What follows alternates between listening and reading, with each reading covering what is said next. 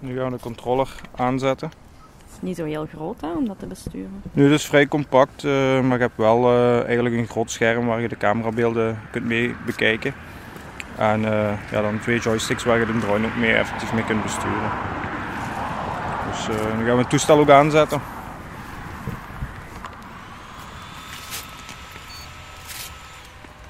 Wat ziet jij op dit scherm eigenlijk? Dus nu gaat zelfs uh, eigenlijk alles verschijnen qua instellingen. Op welke hoogte die gaat terugkomen, moest er een signaalverlies zijn. Um, en ja, ook de camerabeelden. Dus uh, wat uiteindelijk via de camera te zien is. Nu gaat hij ook uh, zeggen waar we momenteel staan, dus waar hij ook naar gaat terugkeren. Moest er een signaalverlies zijn of moest hij eigenlijk moeten terugkeren. Dus nu gaan we wat achteruit.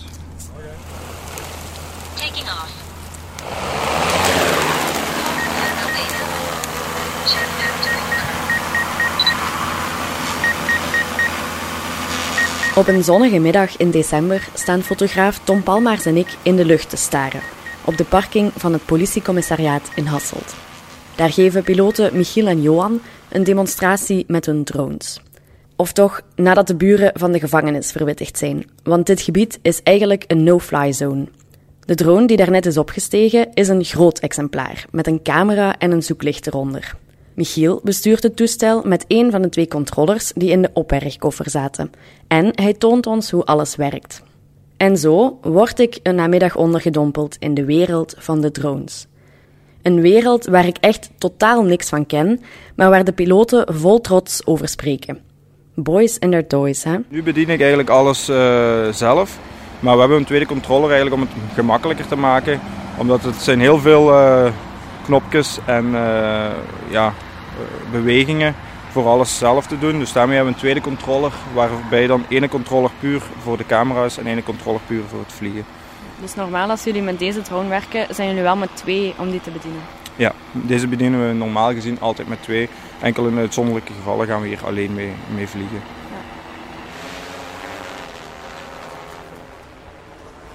Ja. Alle anders terug binnen. Ja, is goed. Nu gaat je hem zelf landen, ja, toch? nu ga ik hem manueel uh, laten landen. We kunnen het ook automatisch doen, uh, maar dan gaat hij ook naar een hoogte van uh, eh, 70 meter die ik heb ingesteld. Maar nu gaan we het manueel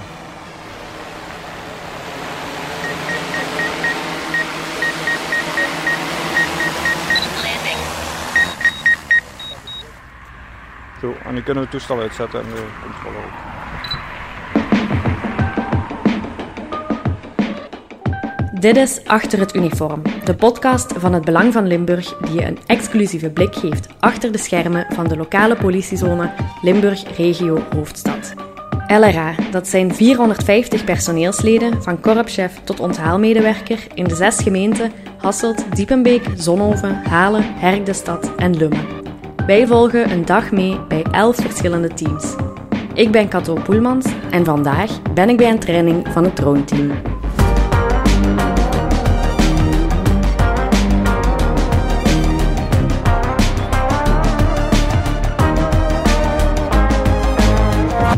Je hebt hem nog niet gehoord daarnet, maar hij was wel degelijk aanwezig bij de training van het droneteam. Tom Hannes, hoofdinspecteur operaties en ook de teamchef van het droneteam.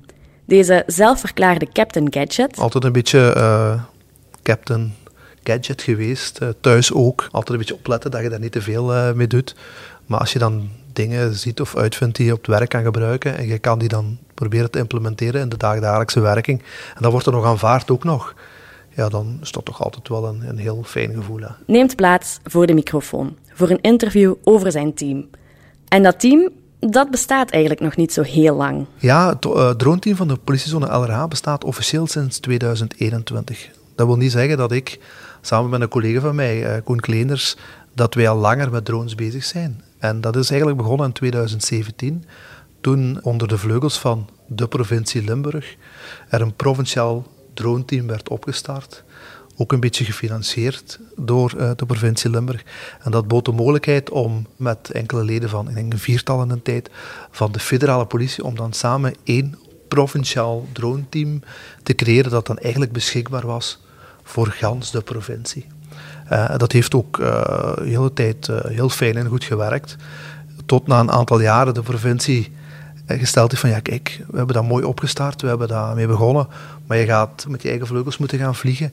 En dan komt het weer, hè, subsidiering, wie doet mee, wie doet niet mee, waar halen we de centen? En dan is dat eigenlijk eh, in 2020 is dat eh, een beetje opgehouden te bestaan. En daardoor zijn we dan begonnen met een eigen drone-team, omdat onze korpschef dan ook al wat ingezien wat het nut was van dat team. En hebben we de mogelijkheid gekregen om dat binnen onze eigen politiezone verder te doen. En zoals dat gaat met alles dat nieuw is, je moet jezelf een beetje bewijzen. En er is soms ook gewoon een portie geluk voor nodig. Zoals bij alles heb je heel snel believers en non-believers. Zo is dat ook in het, bij het dronegebruik van het dronewereldje.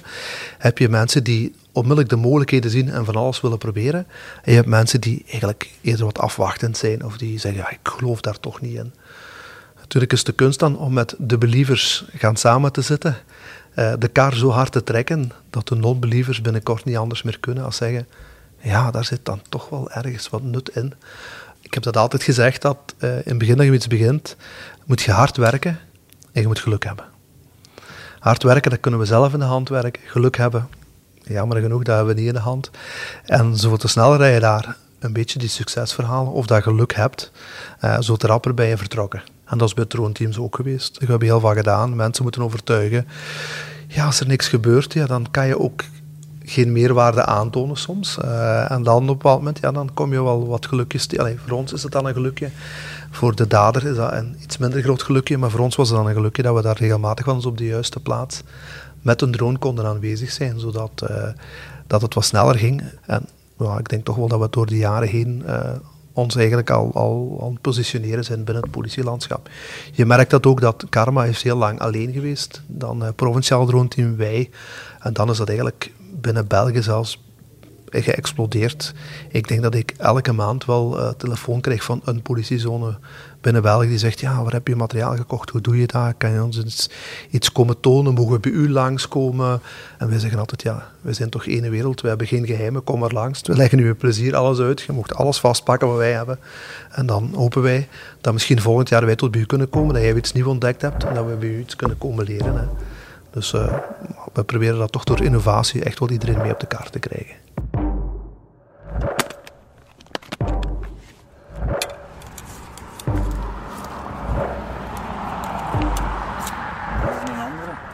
Dat is het, uh, een ander toestel, dat is een iets nieuwer toestel. Dat is de DJI uh, M30.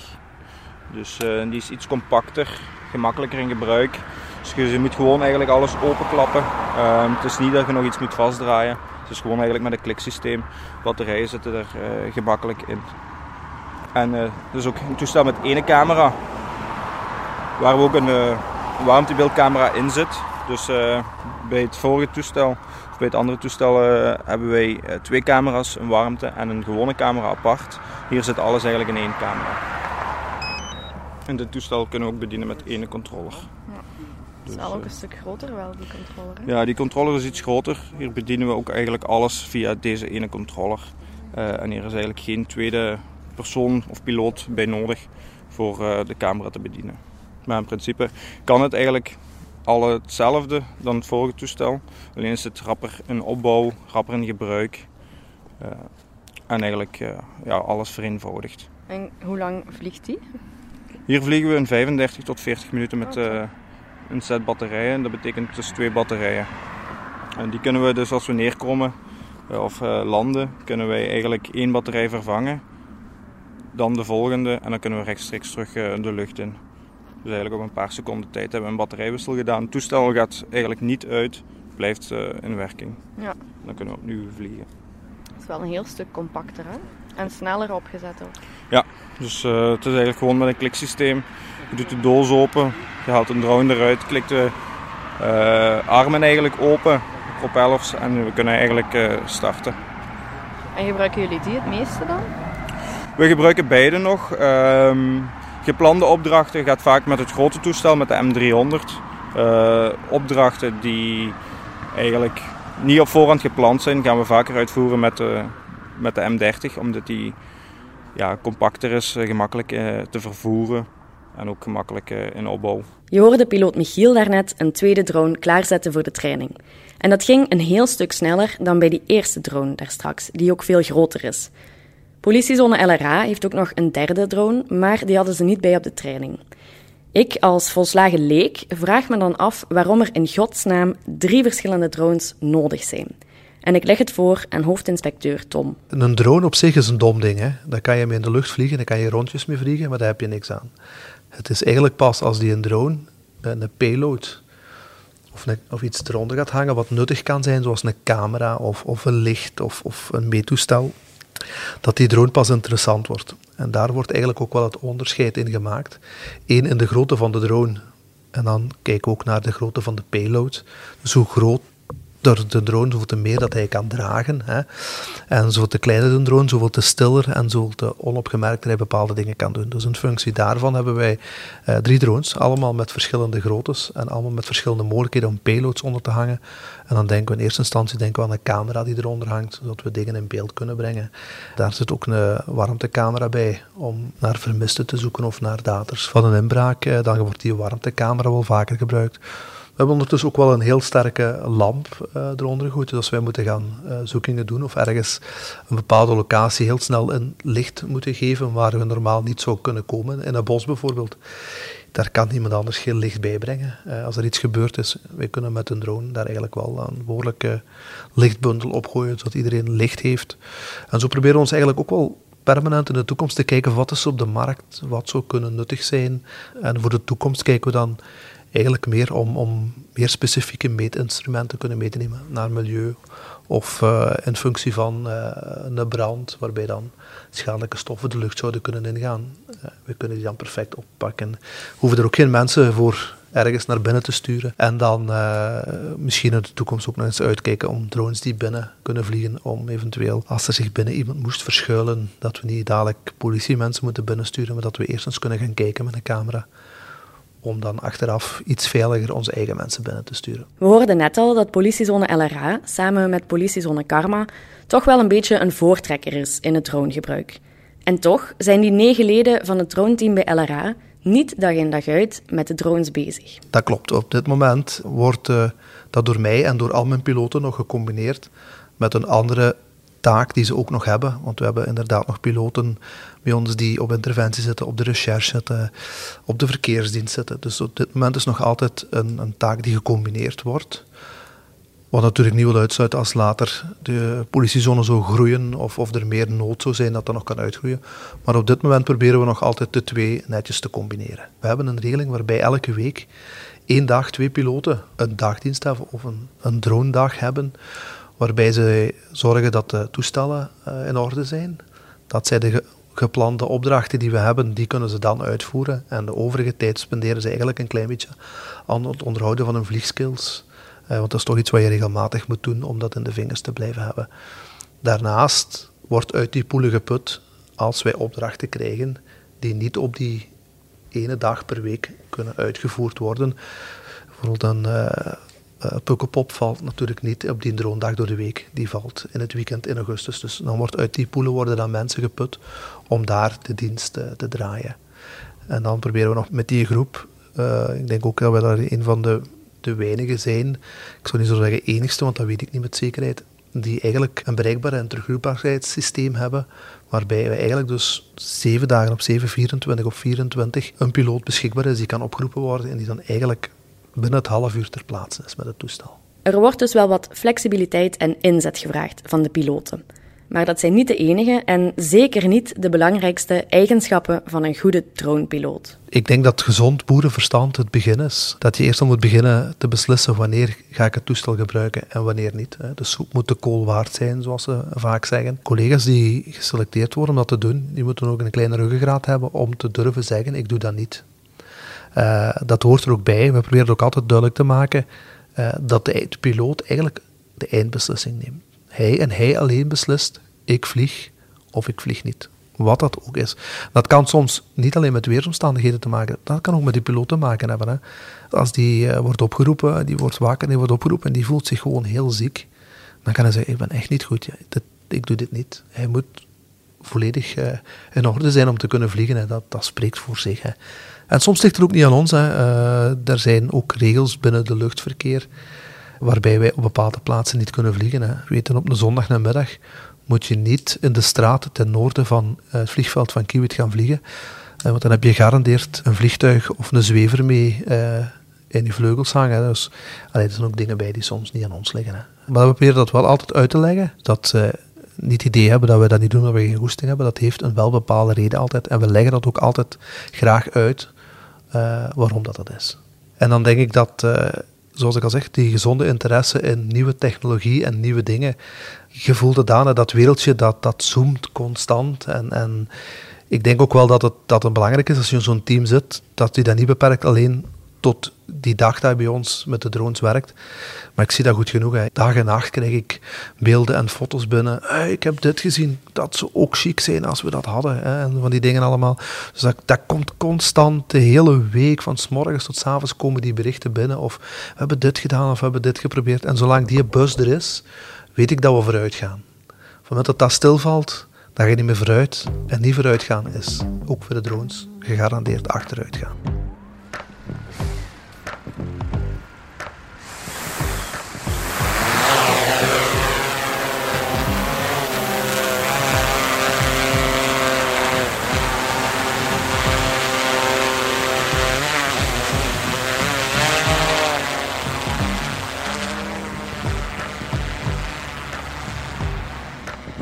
Wat voor camera is het?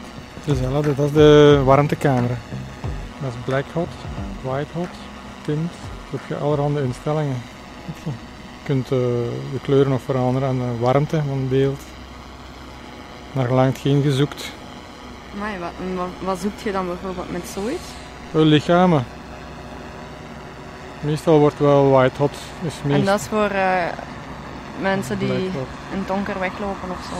Ja, dan uh, ziet je de mensen goed eigenlijk. Maar als je dan iemand in het water ligt en je moet wat warm temperatuurverschillen, neem je beter andere kleuren. En die kun je ook uh, temperatuurverschillen ook instellen, hoe nauwkeurig. En daar kun je in principe ook zoomen, ziet je. Dus eigenlijk is die wel zeer handig in qua knoppen. Dronepiloot Johan gaf ons zo net een demonstratie met de warmtecamera van de drone. En zoals hij al zei, Daarmee kan de politie bijvoorbeeld naar vermiste mensen of naar lichamen zoeken. Maar de echte specialisatie van het troonteam van LRA is toch wel het in kaart brengen van verkeersongevallen. Vaststellen van verkeersongevallen is echt wat we binnen LRA ons een beetje in beginnen specialiseren zijn. Dat we tot nu toe nog wel, eh, wel goed kunnen. Ja. Eh, in het verleden werd er al wel eens een luchtfoto gemaakt om een overzicht te hebben van, van het verkeersongeval. Alleen hebben wij het systeem door uh, andere technologie op de drone te gebruiken andere software op het commissariaat te gebruiken, zijn we wel de eerste geweest die eigenlijk fotogrammetrie in zijn totaliteit hebben toegepast, waardoor dat eigenlijk alles door ons wordt opgemeten. Niet enkel gefotografeerd, maar ook opgemeten. Dus onze foto's hangen van achter vol met uh, geografische gegevens die we dan binnentrekken in programmatuur. En als dat dan allemaal volgens de regels van de kunst wordt binnengetrokken, dan staat ons ongeval op een schets en dan kunnen we toch wel zeggen dat we eigenlijk bijna centimeter nauwkeurig de juiste auto op de juiste plaats hebben staan. Daar waren we inderdaad wel de eerste in België, denk ik, die dit een beetje geperfectionaliseerd hebben.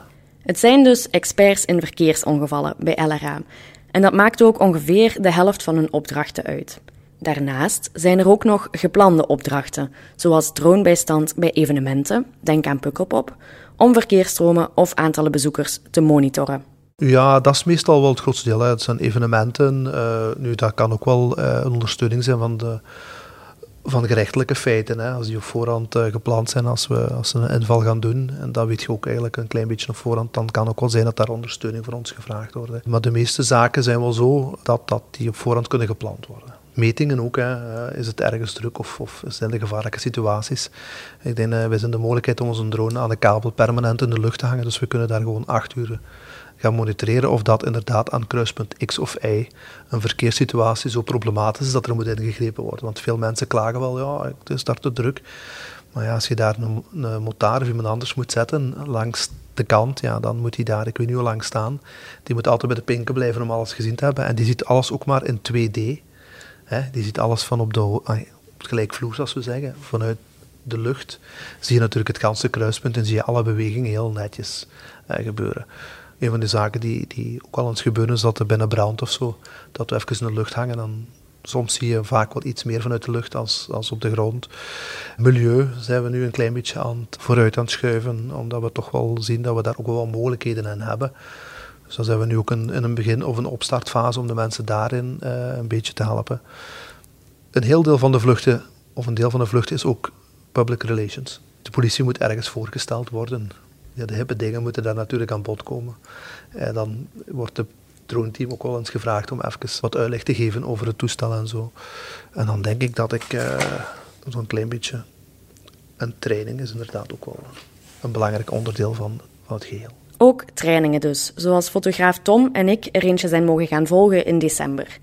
En dat er geregeld geoefend moet worden, is niet alleen om het besturen van die drone in de vingers te houden. In eerste instantie bestaat een drone uit een stuk hardware en ook een heel stuk software. Software die heel regelmatig verandert, waar extra mogelijkheden aan toe worden gevoegd, waar andere instellingen moeten gebruikt worden. Dus uh, de eerste trein, te beginnen eigenlijk al met te zorgen dat de software up-to-date is. Dan kijken ze de hardware na of dat die up-to-date is. En dan gaan ze effectief buiten vliegen. En dan zijn er, je vindt je ook op het internet, dan zijn er bepaalde vliegbewegingen die je best even kan inoefenen. Als je die gedaan hebt, dan heb je eigenlijk weer de controle of dan weet je weer dat het toestel eigenlijk uh, netjes vliegt als het dan op aankomt, dat je niet moet twijfelen van uh, hoe moet ik nu vooruit, hoe moet ik achteruit. Nu, de meeste piloten zitten dat wel redelijk goed in de vingers. Maar toch moeten ze die vluchten nog doen en die worden dan ook nog gebruikt om uh, het onderhoud van het toestel, de batterijen, moet ook regelmatig eens volledig leeggevlogen worden. Die worden bij die trainingen dan gebruikt, leeggevlogen. Dus dat zit allemaal in een totaalpakket. Het onderhoud, de trainingen, dat is eigenlijk zo'n ganse dag waar alles in zit. En dat, steunt, dat, dat leunt allemaal een beetje tegen elkaar aan. Hè.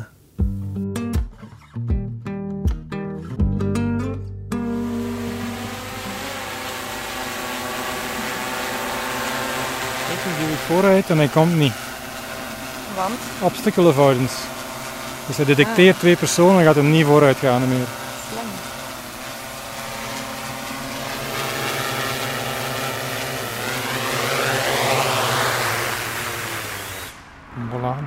Dus die heeft bo uh, links, rechts, boven en onder uh, sensoren. En in principe kun je dat op bepaalde meters instellen. Dus als die naar een gebouw vliegt, gaat hij stoppen. Als hem op 2 of 3 of 4 meter is. Ja. Tom, hoe snel vliegt hij? Uh, rond de 60 per uur. Hmm. Ik heb juist 80 gehaald. Nee, nee.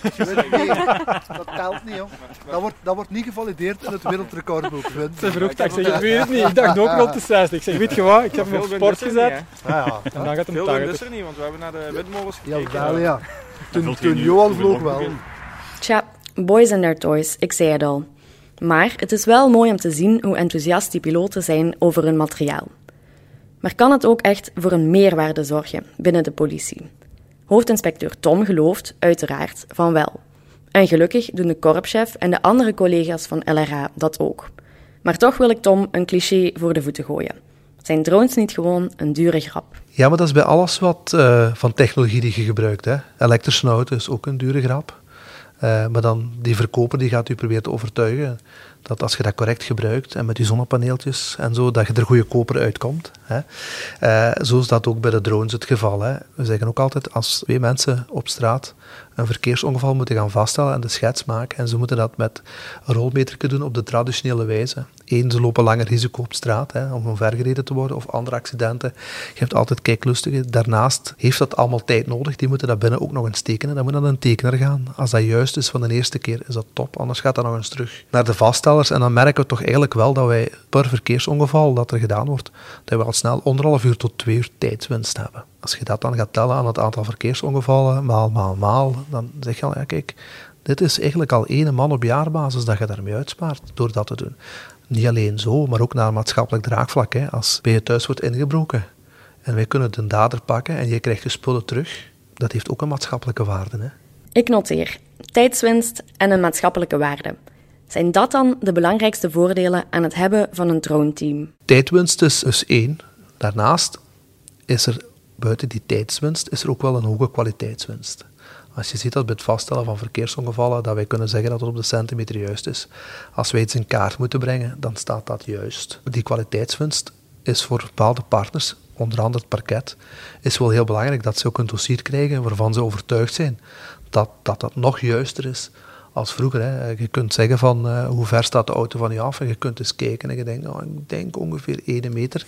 En dan kun je een meter pakken en je kunt hem op de grond leggen. Dat is natuurlijk veel juister. Dus die kwaliteitswinst is ook wel uh, enorm groot. Ik volg Tom wel in zijn argumenten waarom een drone echt een meerwaarde kan zijn voor de politie. En toch is het niet alleen een positief verhaal. Want uiteraard kan er tijdens een vlucht altijd wel iets mislopen. Ik denk dat dat niet vast is aan een drone. Ik zeg ook altijd, drones is de vraag niet of ze uit de lucht gaan komen, maar wanneer dat uit de lucht gaan komen. Bij een vliegtuig is, de, is het de zekerheid hoeveel, hoeveel negers hè, achter de komma. Bij, bij een drone zitten we nog voor de komma te werken. Dat is alles fout gelopen bij ons ook, dat uh, tijdens een vlucht... nu, dat lag niet echt aan de, aan de piloot, maar uh, zijn, wij zijn niet de enige in de lucht. Buiten drones en vliegtuigen zijn er ook nog vogels en van die dergelijke dingen. Betrokken is dan tekort bij wat nesten gekomen van bepaalde vogels. Die hebben gezegd, dat gaan we niet doen. En die zijn een goede dag aan komen zeggen. En toen was het ook gedaan met vliegen voor ons. Dus allemaal dingen waar je rekening mee houdt. Wat de meeste mensen niet aan denken, is dat wij vooral uh, als in mei legt elk vogeltje zijn ei, dat het voor ons in bosrijke omgevingen veel gevaarlijker is om te vliegen. Want die beesten die beschermen natuurlijk hun kroost met alle mogelijke middelen. Uh, en dan is die een drone geen welkome gast. Dus het is voor ons ook al eens fout gelopen, ja. Een belangrijke nuance die Tom daar nog bij geeft, een drone is en blijft voor de politie nog steeds een werkinstrument. Als je schrik moet hebben dat er iets met je werkinstrument gebeurt, dan moet je het niet gebruiken. Uh, iemand die uh, gaten graaft kan de schub ook breken. Uh, als je daar schrik moet voor hebben, moet je er geen kracht meer op zetten. Hè. En dit is iets wat, ja oké, okay, niemand had daar gedacht. Maar achteraf wisten we in de volksmond wel dat daar heel veel uilen zaten. Iedereen wist dat, maar wij niet. Ik wil maar zeggen van, je moet zelf alles in het werk stellen om te vermijden dat het gebeurt. En als je dat gedaan hebt, dan lig je daar niet wakker van.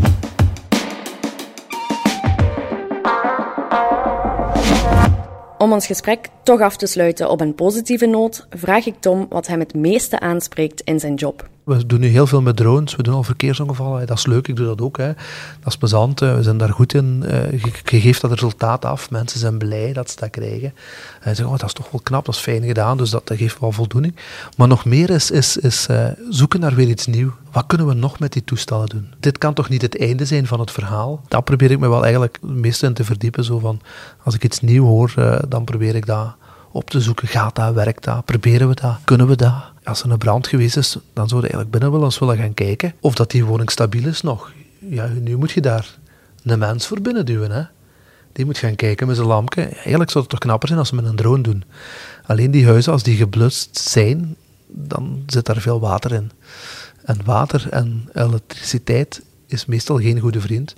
Dus ja, dat is een van die dingen waar ik van de week ook nog over gehad heb. Iemand uh, die les geeft aan mij van, ja, kunnen we zo zelf eens niks maken, dat er dan eigenlijk wel tegen kan. Maar zelf conciperen, niet naar de duurdere producten gaan, want dan zit je pak geld, dan kunnen we dat zelf niet uh, van die dingen doen.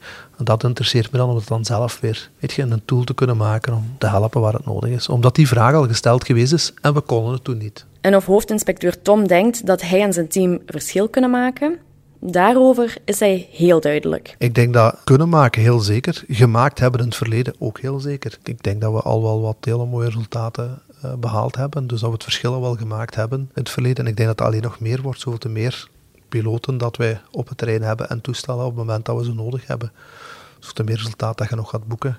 Ik denk dat we ooit eens, uh, anderhalf jaar geleden, bewijzen van, van, van informatief een studie gemaakt hebben van alle oproepen die binnenkomen en eens te kijken van waar zo'n drone, stel dat je hem onmiddellijk had kunnen inzetten, waar zou hij nuttig kunnen geweest zijn? En dan, dan dat je toch aan 12, 13 procent van het aantal oproepen waar dat nut kun, zou kunnen hebben. Uh, en, en je moet het soms al niet verder zoeken als is een incident dat binnenkomt, is dat wel echt een incident waar je met zeven mijls naar ze naartoe moet uh, haasten om uiteindelijk met alle risico's van dien binnen het verkeer iets aan de hand te hebben. Terwijl een drone eigenlijk op een minuut daar kan zeggen, ja nee, die oproep is niet wat aan de telefoon gezegd geweest. Of het is al door, of het is al genormaliseerd. Doe maar rustig aan. Je moet daarvoor uh, niet gek rijden. En zo hebben we dat dan eens uitgeteld en dat bleek dan toch wel een, vrij groot, ik vond dat een vrij groot percentage van alle oproepen te zijn, waarbij dat wel een meerwaarde zou kunnen zijn.